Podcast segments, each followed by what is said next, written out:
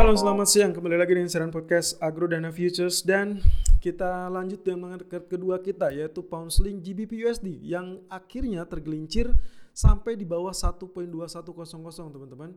Dengan areal kemarin di hari Jumat tercipta areal terendahnya adalah 1.2078 dan areal tertinggi ya 1.2099 maaf di tanggal 15 Mei dengan arah tertinggi adalah 1.2237. Jadi kemarin persis gejalanya dengan dua hari sebelumnya ya di tanggal 14 area tertinggi tertahan di 39 dia hanya sedikit tertekan lalu naik ke 20 lalu ternyata tergelincir.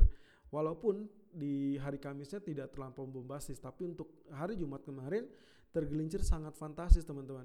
Ya, artinya area support yang kita nantikan justru dipecah ya. Kemarin memang di hari Jumat saya sempat menyarankan buy berdasarkan apa yang terjadi dari candlestick di tanggal 13. Karena tanggal 13 menurut saya itu adalah inverted hammer.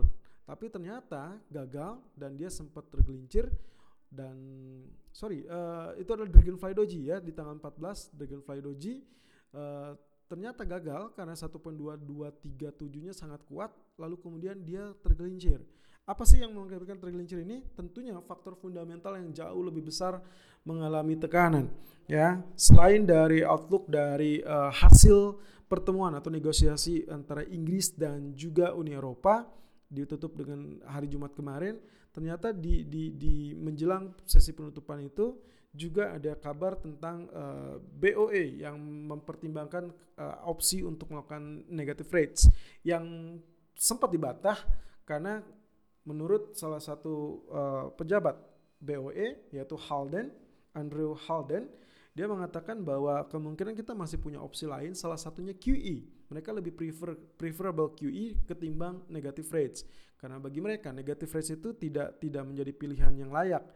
Lebih kepada QE. Kalau QE mereka bisa melakukan apa pun ya jauh lebih lebih bisa menstabilkan keadaan ekonomi ketimbang dengan melakukan negative rates. Kurang lebih seperti itu.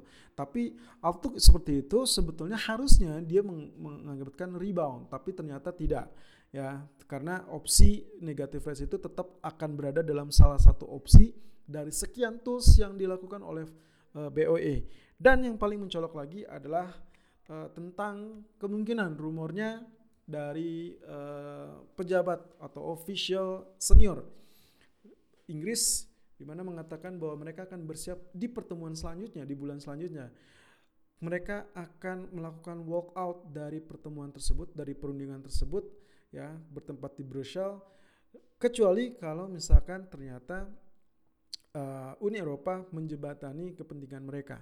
Jadi kita kita akan melihat potensi ini di, di, di, di, dicerna oleh market adalah sebagai kekhawatiran terhadap no deal Brexit dan itu yang akan terjadi teman-teman.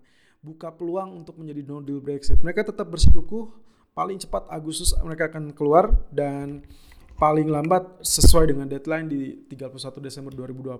Tapi who knows ya.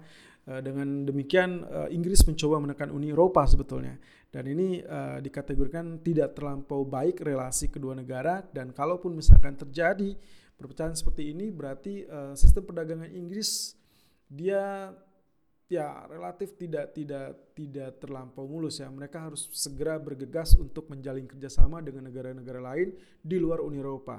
Kalau tuntutan mereka adalah untuk melakukan sesuatu sistem perdagangannya mirip dengan yang dilakukan oleh Kanada ataupun dalam hal ini uh, Jepang ya dan ini yang yang akan uh, akan sangat rumit, complicated untuk perundingan-perundingan selanjutnya.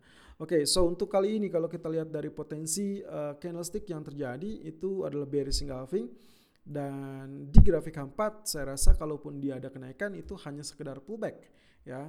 Pullbacknya sebetulnya saya menantikan area 1.2145 ataupun 1.2150. Tapi sayangnya sampai siang ini pullback dia hanya tercipta di 1.2113 dengan area terendah 1.2078 running price sudah berada di 1.2090 so strateginya idealnya silakan lakukan sell di area 1.2145 ataupun 2155 targetnya adalah target pertama di 1.2090 dan target kedua adalah 1.2045 stop lossnya di 1.2225 25. Tapi kalau misalkan in case ternyata reboundnya tidak tercapai di 1.2145, saya rasa kalaupun dia break high di 1.2120 itu sudah bisa Anda pertimbangkan ya.